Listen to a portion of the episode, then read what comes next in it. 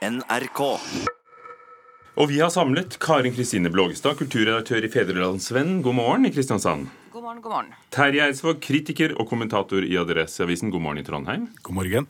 Og Kjell Lars Berge, professor i tekstvitenskap ved Universitetet i Oslo. God morgen. God morgen. I Oslo. Ja. Vi binder landet sammen og begynne med det som har vært dagens store sak, nemlig førstesideoppslaget til Aftenposten. 487 norske kvinnelige skuespillere har undertegnet et opprop under emneknaggen 'Stille før opptak', med historier om trakassering og overgrep innen norsk film, TV og teater. Og vi hørte jo akkurat teatersjef i Nationaltheatret, Hanne Tømta.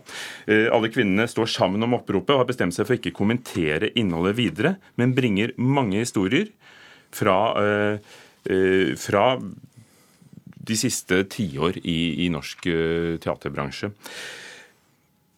Vil det noen gang være på tide å tilgi dem som har enten begått overtramp eller gått over streken eller drevet trakassering? Kan Kristine Blågestad? Eh, eh, ja. Terje Eidsvåg? Eh, Det må nesten bli opp til ofrene. Kjellars Berge? Ja. Hvorfor? Nå er vi vitne til at eh, i en kjent produsent fra Danmark, og Peter Rolbeck Jensen, er eh, kuttet ut som produsent og detronisert. Harvey Weinstein det samme. Kevin Spacey i, eh, i, i USA klippes ut av filmer. Og her krever disse kvinnene at man må slutte å beskytte de som har begått overgrep, og fortsette å gi dem jobber og tjene penger på dem. Hvorfor? Jeg kan jo ta ordet, da. Eh, nei, altså, Det er jo klart at det er veldig alvorlig, dette her, sånn, men samtidig det er jo ikke spesielt overraskende. Spør man kvinnen i sin omgangskrets, så vet man jo at sånt har forekommet og forekommer. Men det er jo klart det er jo kjempeviktig at det tas opp og tas opp på den skikkelige måten som det gjør nå. da. Og eh, Dermed så kan man jo kanskje få atferdsendringer til. Samtidig så må man jo selvfølgelig respektere eh, altså menn som da sier unnskyld, og sånn, og da liksom må man gå videre, tenker jeg. Så tilgivelse er jo et trekk som er veldig Det er jo en egenskap som er veldig positivt ved samfunnet, at man kan tidligere komme videre. da. Sånn Ja, altså- tenker jeg om saken. Og så er det jo farlig å skulle henge ut enkelte som ekstremt skyldige i dette helt enorme komplekset. Fordi at eh, noen har åpenbart enormt mye skyld og har gjort utrolig mye veldig alvorlige ting. Eh, mens andre har eh, ikke gjort så alvorlige ting. Noen har latt være å varsle, noen har vært unnfallende. Så det er liksom veldig mange grader av skyld og veldig mange variabler over alvoret her. Så jeg, men denne metoo-kampanjen er jo på en måte et tidsskille nå. Jeg tenker det har, Dette blir en endring av, altså. Det, no, noe av det som er for meg mest forunderlig her, er jo at mange gir inntrykk av at det her nok var verre før.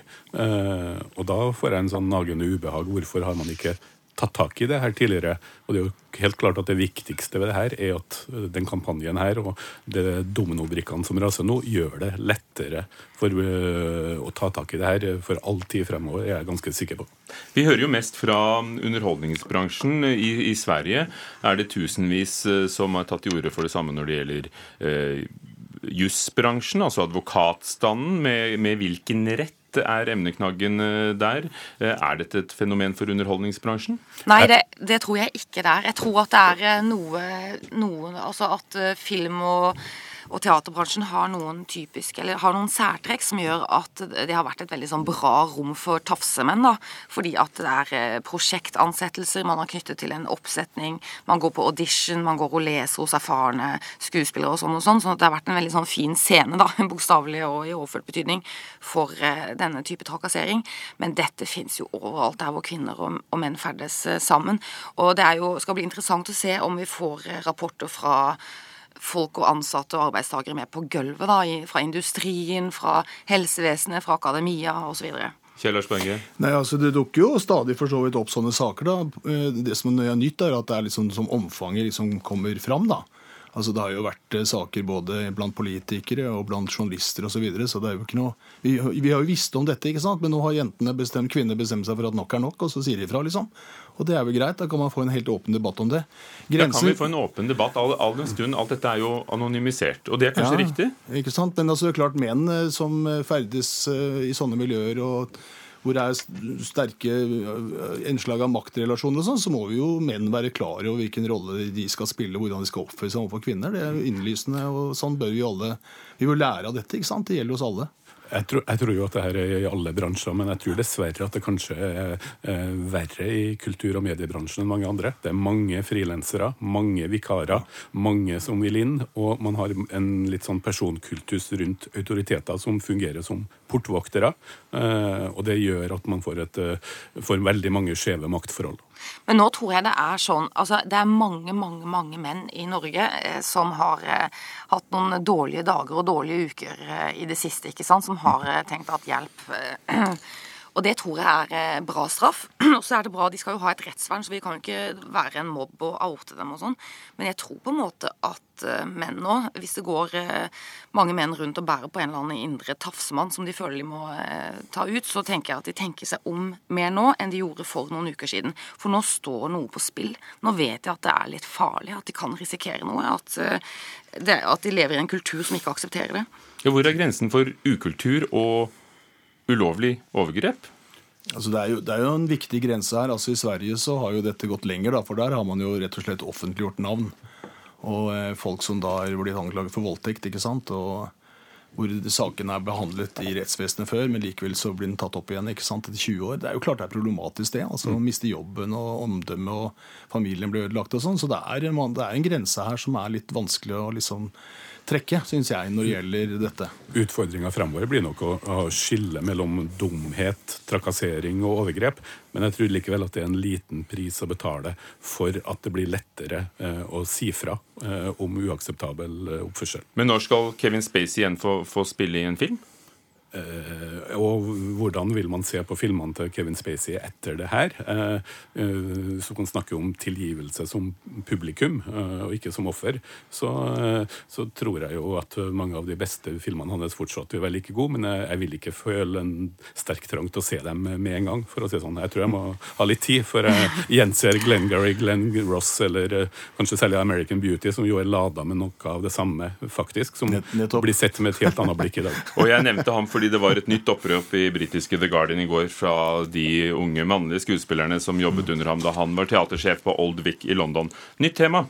Klassekampen har tellet kritikker i norske aviser og funnet. Antallet anmeldelser i norske aviser er mer enn halvert på ti år. Kritikerlaget er kritisk, naturlig nok.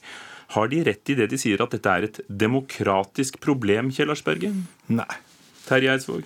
Eh, nei. Karin Kristine Blågestad? Nei, det har de ikke rett i. Og det sier du fordi du sitter og, og forsvarer eh, en avis som kulturredaktør? At dere tenker at dere burde hatt mer?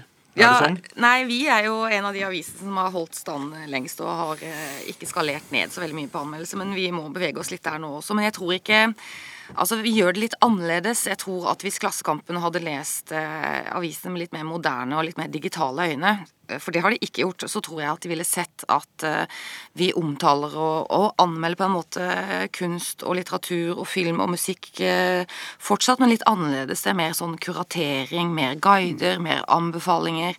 Det er pakket inn i en annen type journalistikk og ser annerledes ut, men det er fortsatt vurdering av kunst. Og det kommer avisene helt sikkert til å fortsette med i framtiden. Og det har jo altså den klassiske anmeldelsen er jo den eneste sjangeren i journalistikken som har vært uforandret i 100 år.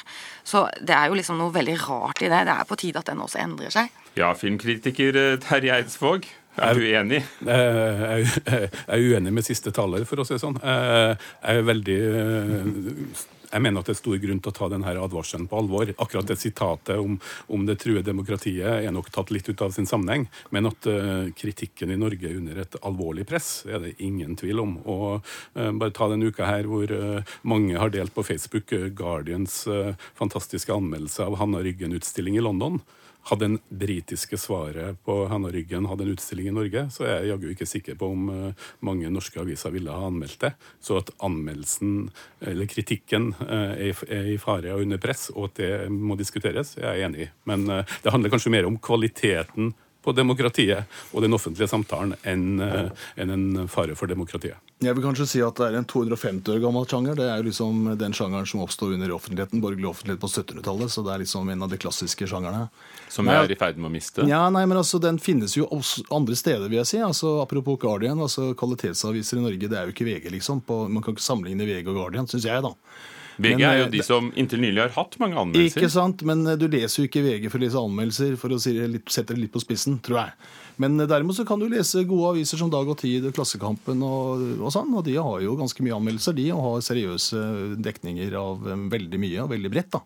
Så Jeg, følte jeg måtte ta mange- verdens gang litt i forsvar her. Men få høre med, med Fedrelandsvennens kulturredaktør. Er det, eh, blir, det, blir det noe for nisjeavisene og, og, og nettet, og at dette ikke er noe som selger i, i de papiravisene som selger? Ja, jeg, det kan godt hende at uh, noe vil forsvinne mer ut til sidene og til nisjeaviser og fagblader og sånn. Og, og det er jo ikke sikkert heller at det er et stort problem. For det at, altså, vi eh, er jo ikke så opptatt av klikkjournalistikk i eh, norske mediehus lenger. Vi er opptatt av å ta vare på eh, abonnementene våre og få nye. Det er det, det er det som liksom er vårt fokus. Og vi opplever jo at den eh, klassiske, tradisjonelle anmeldelsen ikke Altså det er ikke veldig stor interesse for den. Og når vi begynner å prioritere litt annerledes, eller endre den, eller diskuterer anmeldelsen, så er det jo forfatterne og liksom Altså de som leverer kunsten, som skriker opp. Det er ikke leserne. Og det er jo leserne som eh, er vårt oppdrag, da. Det er de vi skal tenke på. Hel heldig for deg, Eidsvåg, at du driver med film, ikke lyrikk, kanskje? Ja, eller eh, billedkunst eller eh, klassisk musikk. Og, det, det, og jeg er jo enig i at eh, nettet gir noen utfordringer, men jeg er helt uenig i at, det at anmeldelser ikke fungerer uh, på digitalt heller. Og det viser jo lesertall også, noen. Det er ikke en sånn ens, ensidig trend, det her. Så jeg tror det er viktig at man ikke skyller barnet ut med badevannet i Ja, denne det, saken her. det er jeg kjempeenig i. og Derfor så syns jeg det er viktig å på en måte vurdere anmeldelsen som form, og så se hvordan vi kan på en måte få den med inn i det digitale verden og gjøre den attraktiv og litt ny og, og, og mer sånn, skape mer interesse Vi skal, for vi den. Men skal det er følge ikke- med på FVNs side, men jeg stopper deg, for vi skal bruke to minutter på Norges nasjonale epos. Per! Du lyver! Nei, jeg gjør Nei. Nå så bann på det? Britt Langli og Paul Otter Haga fra Per Gynt, eller Per Gynt, som noen språkprofessorer mener at vi egentlig burde si. Denne uken var det 150 år siden Henrik Ibsen utga Per Gynt. Gynt. Bortsett fra en nylaget dokumentar på NRK2 og, og en lang artikkel på nrk.no, så har det ikke fått mye oppmerksomhet. Har vi gjort for lite ut av at Per Gynt fyller år, Karen? Nei, jeg syns eh, det Altså, jeg syns det er rart å markere verk. Eidsvåg. Eh, ja. Eh, Nei. Hvorfor ikke? Er du ikke opptatt av klassikerne, Berge? Nei, men altså, det, er jo et stykke som uansett eh, folk interesserer seg for, og som, er, som har vareverdi. Men det kunne vært morsomt å bruke Ibsens hensikt med Per Gynt mot nordmenn i dag. Det er helt opplagt, for han var jo opptatt av Norges nordmenns selvtilfredshet og nasjonale eufori og selvopptatthet. Han gjorde jo narr av oss, ikke sant? Han, og det hadde han gjort, sikkert gjort når han hadde levd i dag. altså. Hadde han sikkert drevet et nytt stykke som er vel så tøft som Per Gynt. Det kan jeg garantere. Det tror jeg er helt eh, riktig. Men er det ikke litt Jeg hadde ikke kommet på liksom, at vi skulle markere et eh, litterært verk. Jeg tenker Vi markerer og jubilerer og feirer forfattere. Men hvis vi skal begynne å dele, liksom, begynne, eh, begynne med ulike verk og bøker og teaterstykker og sånn også, syns jeg det blir veldig rart. Jeg er litt redd for at vi vanner liksom litt ut, da. Men vi, gjør, vi, vi, gjør jo det hele tida. Eh, alle norske aviser skrev det i sommer om at det var 50 år siden Sgt. Pepper kom. Eh, eh, den, vår Nirvana sine plater. Eh, så den, den her jubileet for verket er jo no, en tiltagende tendens, og jeg syns jo det er faktisk vel så interessant å, å markere jubileet til verk som, som forfatterskap. Også, Er det et godt verk for, for deg som ser på det med kritiske øyne? Eh, Per Gynt, eh, Jeg tror nok Per Gynt er mindre kjent for nordmenn flest enn mange tror. Eh, Jeg syns det er litt interessant at eh, et av inspirasjonskildene til Per Gynt i en relativt utgave, middels utgave, nemlig 'Askeladden', kommer til å bli det, sannsynligvis den mest sette filmen på kino i Norge Takk skal dere ha. Fredagspanel Terje Eidsvåg, Karin Kristine Blågestad og Kjell Lars Berge.